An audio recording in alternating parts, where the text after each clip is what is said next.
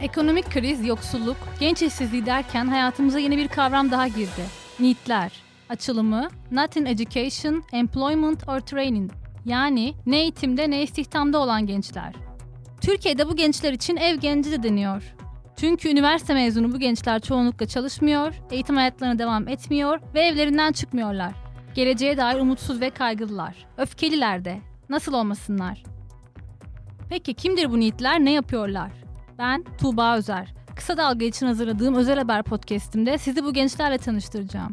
Gelin seslerine birlikte kulak verelim.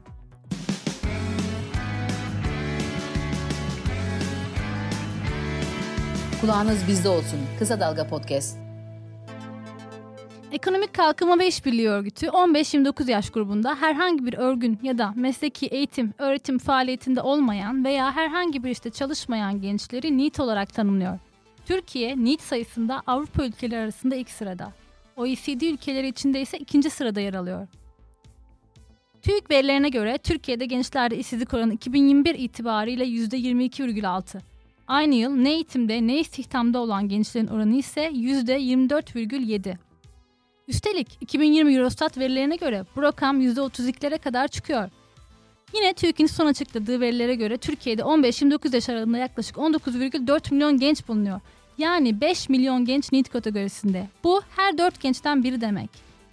Gençlerin eğitim ve iş hayatının dışında kalması sadece kendi kişisel hayatlarını değil, Türkiye'nin toplumsal ve ekonomik gelişimini de olumsuz yönde etkiliyor. Yani karşımızda aslında toplumsal bir sorun var. Hem de önemli bir sorun. Yaşama Dair Vakıf'ın Türkiye'de NEET gençlerin ihtiyaçları, problemleri, gelecekten beklentileri araştırmasına göre NEET'ler homojen bir yapıda değiller. NEET'leri aktif ve pasifler olarak iki genel alt kategoriye ayırmak mümkün. Çalışmayı yapan araştırmacılardan Rümeysa Çamderil'den dinleyelim. Bu NEET grubu çok geniş bir grup aslında. O yüzden de biz baktığımızda bize gözümüze çarpan araştırma esnasında gözümüze çarpan şey e, gençler gibi yani genç gibi yaşayamayan gençler diye e, söyleyebiliriz aslında. Yani gençlerden beklenen o e, daha aktif, daha dinamik, daha sosyal, daha üretmeye ve yaratmaya e, yakın bir hayat yaşama e, beklentisini e, çok kendi hayatlarında karşılık bulamayan e, gençlerden bahsediyoruz. Kim bu niyetler e, diye sorduğumuzda kimlerden bahsettiğimizi anlamak güç. Çünkü çok yüksek bir yüzdeden bir kere bahsediyoruz. E, yani Türkiye'de gençliğin çok büyük bir kısmı aslında bu kümenin içerisinde.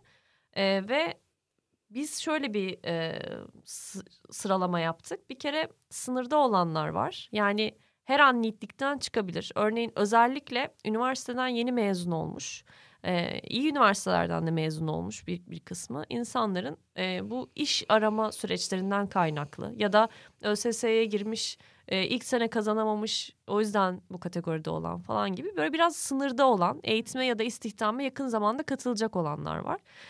E, sonra daha böyle aktif diyebileceğimiz hani... E, özellikle bu garsonluk gibi kısa dönem e, kuryelik gibi yakın zamanda da olan işlerde kısa dönemli çalışmış ama e, şey şu an çalışmamakta olan e, kişiler.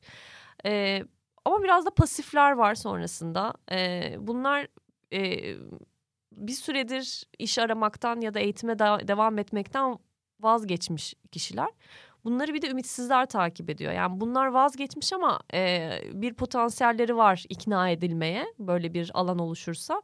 Ama bir de ümitsizler var. Çok denemiş, çok fazla ya eğitime ya da istihdama katılmaya çalışmış ama hiçbir şekilde başarılı olamamışlar var.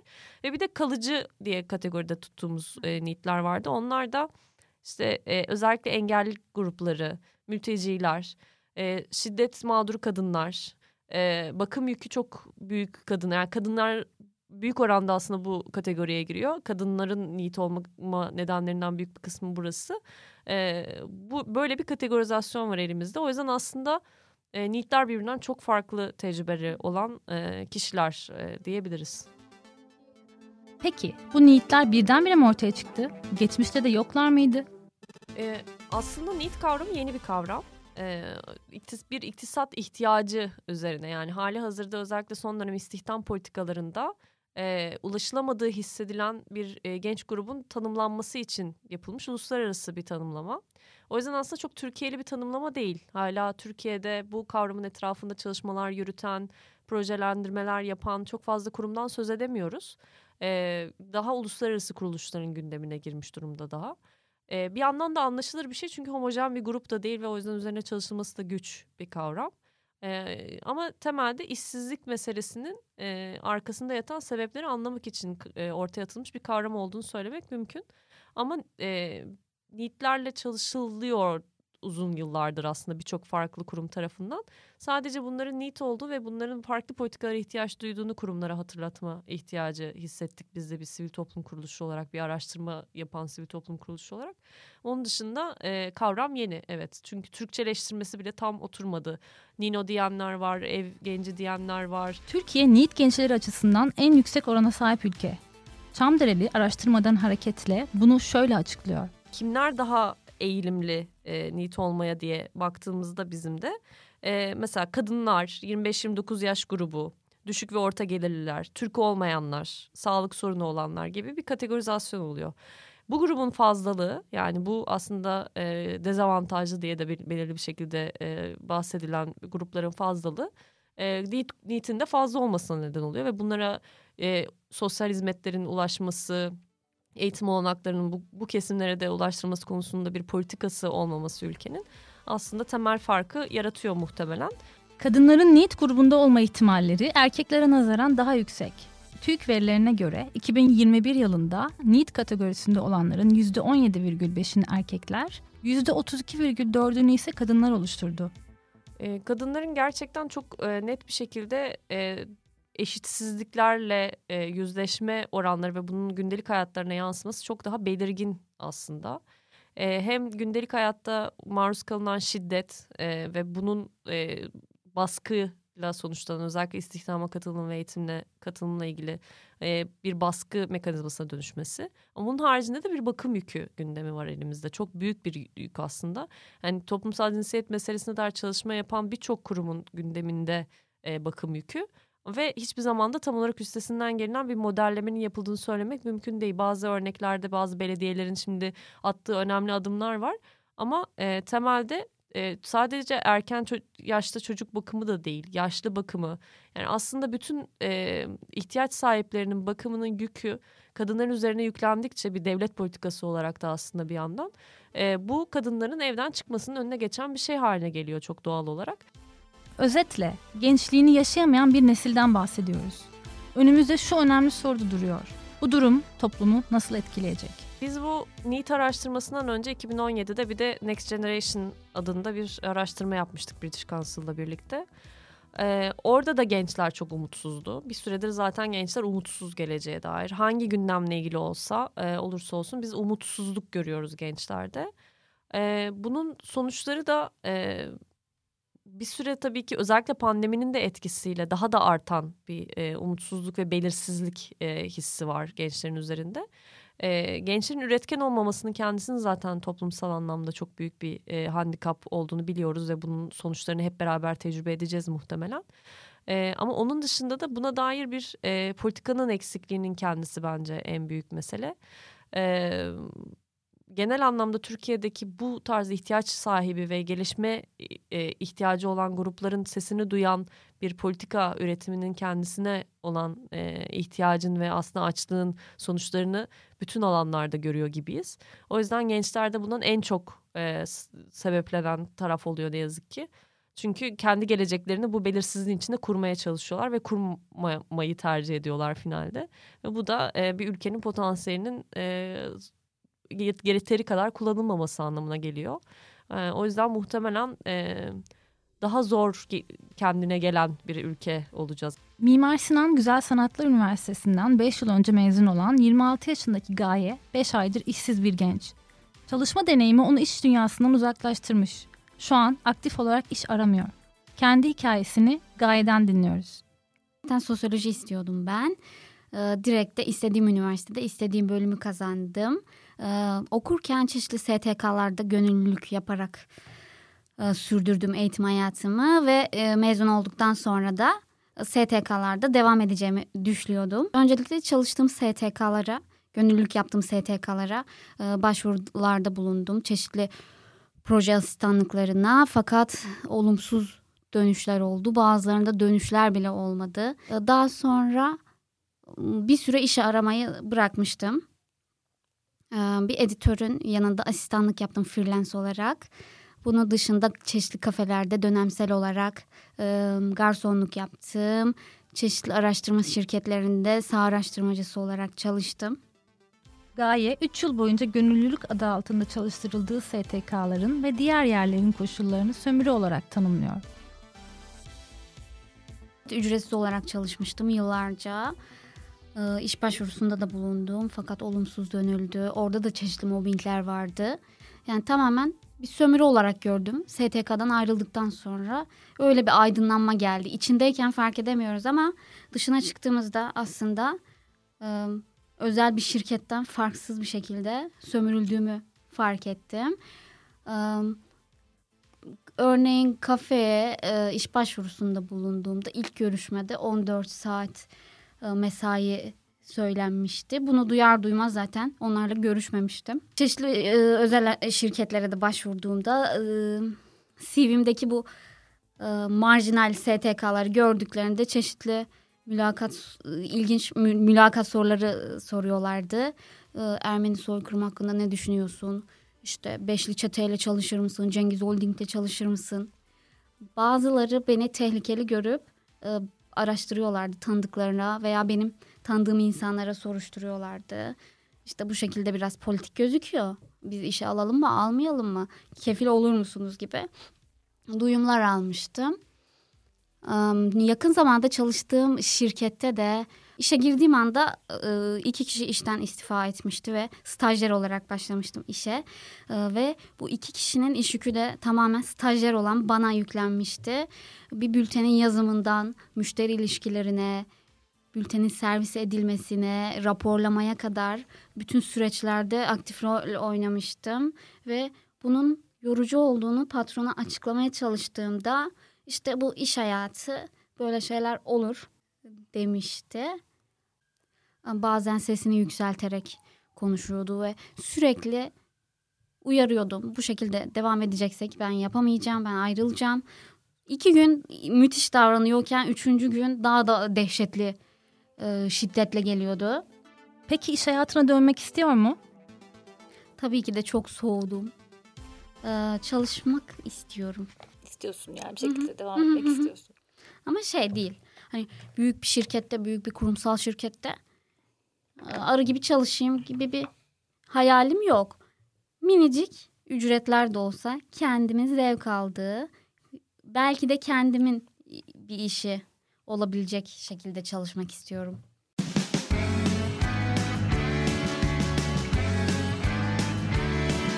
Kulağınız bizde olsun. Kısa Dalga Podcast. İstanbul Planlama Ajansı'nın araştırmasına göre ev gençlerinin kaygı derecesi 10 üzerinden 7,7 iken umut derecesi 3,7. Gaye umutlu musun sorumuza şu yanıtı veriyor. Peki umutlu musun geleceğe dair? Aa, henüz bir umut görmüyorum ben. Hem kendim hem de diğer işsiz gençler için. 2016'da üniversitenin gıda mühendisliği bölümünden mezun olan ve İstanbul ailesinin yanına dönen 29 yaşındaki Leyla ise 2,5 yıldır işsiz. İşsizlik sürecini Leyla'dan dinleyelim. Döndüğümde ilk istediğim şey yüksek lisans yapmak oldu. Yani kendi talebimle başlayan bir işsizlik süreci oldu. İşte o süreçte ALES çalışırım, YDS çalışırım, dil geliştiririm. Birkaç sertifikası vardır bu mesleğin onları alırım diye düşündüm. Ondan sonra peyderpeyde kısa vadeli işlerde çalışmaya başladım. İşte gerek organize sanayi bölgeleri, bir kadın için en zor olacak yerler herhalde gerekli işte genelde şehrin dışına yakın. Çünkü gıda fabrikaları genelde böyledir. Şehrin dışına yakın olmak zorundadırlar. İlk işsizliğim de böyle başladı ve düzenli bir işte çalışmanın benim için o an daha zor olacağına karar verdiğim için işsiz kaldım. Ondan sonraki süreçte hala kendi talebim dahilinde olmadı bu. Hani bu kadar uzayacağını, e, sektörün bu kadar değişeceğini ve çok çabuk gelişeceğini. Hani öyledir mühendislik alanları genelde çok çabuk gelişirler. Haliyle ben bir tık e, elenmiş oldum. Aslında işsizlik genel olarak Türkiye'de e, çok nedenli bir şeydir işsizlik. Yani sadece bir bireyin eksikliği, sadece bir bireyin kendini geliştirememesi veya kendini yetersiz hissetmesiyle alakalı bir durum değil. Burada aynı zamanda yerel sorunlar da var. Örnek veriyorum Türkiye'nin ekonomik buhranı. İşsiz bir insanın en çok hissettiği şey de bir işe yaramama hissi. Yani sanki sadece işte işe yarar, insan sadece işte üretir gibi bir algı var. Yani bu da hem dışarının sana yüklediği hem de bireyin bir zaman sonra gerçekten ben yetersizim, üretim alanının içinde değilim, bir çarkın içinde dönmüyorum. Haliyle de bir yabancılaşma hissi geliyor insana. Bunu destekleyen taraflar da oluyor. İşte sosyal ilişkiler kurarken olduğun alanda yani hepimiz yaşamışızdır. İlk sorulan soru bir nerelisin, iki hangi nerede çalışıyorsundur. Yani sürekli olarak sana nerede çalıştığın sorulur, ne iş yaptığın sorulur. Yani bunların bir tık ötesine gider hatta çalışmıyorsan da muhabbet orada biter ve şeyi de çok net hissedersin. Özellikle yerel ülkelerde yani Türkiye gibi daha henüz geliş, gelişkinlik göstermemiş ülkelerde o zaman bir saygınlığın azaldığını net hissedersiniz. Yani çalışmıyorsa, üretmiyorsa tamam tembeldir. Yani başka bir şey yapma olasılığı yoktur başka bir şey sevmiyordur, başka alanları yoktur. Yani bu insanın kendini var ettiği tek alan iştir. O zaman da sen ne oluyorsun? Tembel, işe yaramaz, kendini yeterince geliştirmemiş. Belki de bunun için hiçbir çaba sarf etmemiş. Oysa ki iş dediğimiz şey, işsizlik dediğimiz şey tam anlamıyla bir özellikle mühendislik alanında çok nedenli bir şeydir. Sadece sen değilsindir faktör. Türkiye'de gıda mühendisi ataması yılda bir, iki, onlar da 96 üstü. Ve bunu bir fiil çalışırken yapmanı beklerler. Hani KPSS kazanmak zorundasın. E, sürekli bir gelişim halinde olmak zorundasın. Bir iş görüşmesine gittim. Yine işte İstanbul'un uzak ve garip diyebileceğimiz bölgelerinden birinde içeri girdim. İş görüşmesi yapacağım. İş görüşmesi yaptığım kişinin bana ilk sorusu fatura irsaliye kesebiliyor musun dedi. Şimdi ben gıda mühendisi olarak başvurdum oraya ve neden fatura irsaliye kesmem gerektiğini anlamadım. Ondan sonra bana şunu söyledi. Ceza yediğini ceza yediği için 7 iş günü içinde itiraz edebilmesi için bir gıda mühendisi bulundurmak zorunda kaldığını ve bu sebeple acilen işe girmem gerektiğini. Şimdi değeri buradan anlayabilmişsinizdir herhalde. İşsiz olduğum, parasız olduğum, haliyle hiçbir şey yapamadığım bir anda girmeyi tercih edebilirim. Fakat 5 ay sonra beni bu durumumdan eminim daha kötü bir yere sürükler. Leyla, işsizliği en çok sosyal yaşantısında hissettiğini söylüyor. Bugün orta sınıfın olmadığı bir ülkede işsiz olarak sen çıkıp e, bir gün içinde sadece bir gün sabah uyandım, evde kahvaltımı yaptım, dışarı çıkıyorum, kahve içtim, yemek yedim ve döndüm. Mümkün değil. Türkiye'de şu an bu mümkün değil. Bırakın hani çalışan bir vatandaşı, şu an çalışmayan vatandaş için bu daha kaygılı bir durum. Ya en azından şeyi hep bir düşünmek zorundasın sosyalleşirken. Yarın, öbürsü gün, öbürsü gün.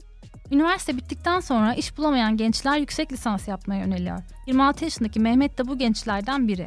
Diyarbakır doğumluyum. Diyarbakır'da liseyi bitirdim. Daha sonrasında e, var olan ekonomik eşsizlikler, sosyal eşsizliklerin has safhada olduğu bir yerde yaşıyorum. E, bundan dolayı e, sosyoloji seçtim. Hem toplumu anlamak hem kültürel boyutuyla var olan eşsizlikleri anlamak açısından. Sosyolojiyi seçtim. Uludağ Üniversitesi'ne e, başvurdum ve kabul aldım. E, bu esnada 4 yıl boyunca Uludağ Üniversitesi'nde lisans eğitimi gördüm. Ee, yine aynı şey, şekilde bunun 2-3 yılı e, hem üniversitede okuyarak hem aynı zamanda part-time bir işlerde e, bir yılımı da full-time bir işte çalışarak geçirdim. Yoksul bir ailenin çocuğuydum.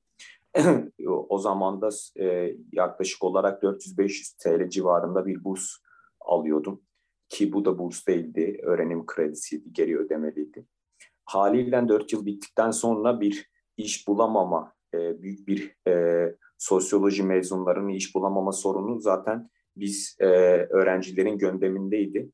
E, ve ben bir noktada e, hem e, üniversitede e, kalabilmek hem akademik anlamıyla e, bir noktada geçimimi bir noktada sağlayabilmek için bir plan sağlamıştım. E, yine üniversiteden mezun olduktan sonra belli noktalarda bir yerlerde iş başvurusunda bulundum. E, iş başvurusunda bulunurken belli noktalarda e, red cevabını alıyordum. Çünkü e, büyük bir e, işsizlik e, durumu söz konusuydu. E, haliyle e, benimle beraber e, mezun olan milyonlarca bir e, iş, işsizler ordusu vardı. E, onlarla bir rekabet ortamı içerisine sokulmaya çalışılıyordum. E, haliyle sonrasında kendi alanında değil başka alanlara, hizmet sektörüne yöneltilen bir durum söz konusuydu. Ben de buradan doğru değil, en azından va, e, almış olduğum eğitimi devam ettirmek adına e, yüksek lisansa başvuruda bulundum. Ve Kocaeli Üniversitesi'nde e, felsefe yüksek lisansa kabul aldım. Pandemiye de, denk gelince e, online eğitim, uzaktan eğitim vardı. E, ben de bu süre zarfı içerisinde hem İstanbul'da iş bulabilme imkanı doğrultusunda İstanbul'da kaldım. Tabii bu süre zarfında İstanbul'da da iş arayışı içerisindeydim maalesef ki. E, hep yöneltilen e, yerler e, garsonluk, e, komilik, baristalık gibi e, işlerdi. E, bu işlerde part-time çalışıp aynı zamanda da e, haftanın dört günü olan eğitimime bir şekilde e, katılmaya çalışıyordum. E, şu an e, yüksek lisansın e, ders aşamasındayım. Son haftam bitecek. E, bu e, tabii bittikten sonra aynı zamanda beklentiler çok fazla. E, bir dil kursuna gitmem gerekiyor. E, belli noktalarda öğretmenlik yapabilmem için e, formasyon almam lazım. Bunlar da e, çok fazlasıyla e, kurslar fahiş fiyatlar istiyorlar. E, yani demeye çalıştım aynı, aynı zamanda bizi bir şekilde e, yine çalışmaya, e, alan dışı çalışmaya itilen bir sürecin içerisindeyiz. Mehmet'e bu süre zarfında neler yaptığını soruyorum. Kendisi gibi yoksul aileden gelen çocuklara umut olabilmek için dayanışma faaliyetleri yürüttüğünden bahsediyor. Yaşadığım yerde, mahallede bir e, dayanışma derneği açtık ve burada e, mezun olan sosyologlar, sosyal hizmetlerle yoksul ailelerin çocuklarına ücretsiz bir şekilde e, danışmanlık, aynı zamanda farklı noktalarda gönüllü öğretmenlerle beraber gitar, bağlama kursları veriyoruz. Bu, bunlarla yoğunlaşıyorum. tabii ben de bu bu ailelerin çocuklarına bir aynı zamanda empati kurarak bu buradan geldiğimden kaynaklı olarak bunlarla beraber bir bağlantı kuruyorum. Çünkü e, süreç e, belli noktalarda onları da gelecekteki ben yapacaktır. Bu buna dair bir değişimin olması için e, en azından var olan durumda bir mücadeleye dair bir girişim söz konusu. Çünkü e, mezuniyetimizden sonra karşılığı olmayan bir diploma alıyoruz. E, belli e, noktalarda bu kar, bir e, bir talep söz konusu. Bu talebimiz aynı zamanda dip, diplomanın kendisinin e, karşılık bulabileceği bir durum e, yaratmak. E, keza liselerden sonra üniversiteye gitme e, durumu olmayan binlerce genç var. Aynı zamanda ben bir noktada belki bu hususta söyleyebilirim ki şanslıydım, üniversiteye gidebildim. Lisede birçok genç üniversiteye gidemiyor. Aynı azından bunu e, bu süreci onlar için kolaylaştırabilecek adımlar atma gayesi içerisindeyim. Ve son söz Mehmet'ten. Ben de binlerce gençten biri olarak e, geleceksizliğe daha doğru itildiğimizi e, ve güvencesiz bir yaşamda doğru e, olduğumuzun farkındayım. E, umut her zaman var, umut e, umudum var ama bu umut e, kendiliğinden gel, gerçekleşebilecek bir durum söz konusu değil. E, bunun e, çaba ve e, bireysel değil toplumsal bir çabayla, mücadeleyle aşılabileceği e, düşüncesi içerisindeyim. Bizim kaderimizin değiştirebileceği durum kendi ellerimizde ve e, umutsuzluk ve güvencesizlik bir ortamına temelini yıkmanın e, yegane kaynağı bizleriz. E, burada kendilerinde e, şey e, bulabilirler. E, ışık bulabilirler ve güç bulsunlar. Çünkü yalnız değiliz. Kendileri de tek değil. E, ben de onlardan bir tanesiyim. E, binlerce tanımadıkları gençler de onlardan bir tanesi. Aynı durumu yaşıyoruz ve bunun müsebbibi bizler ya da aptal olmamız ya da şanssız olmamız vesaire değil. Var olan e, koşullar bu koşulları hep birlikte değiştirebiliriz diyebilirim.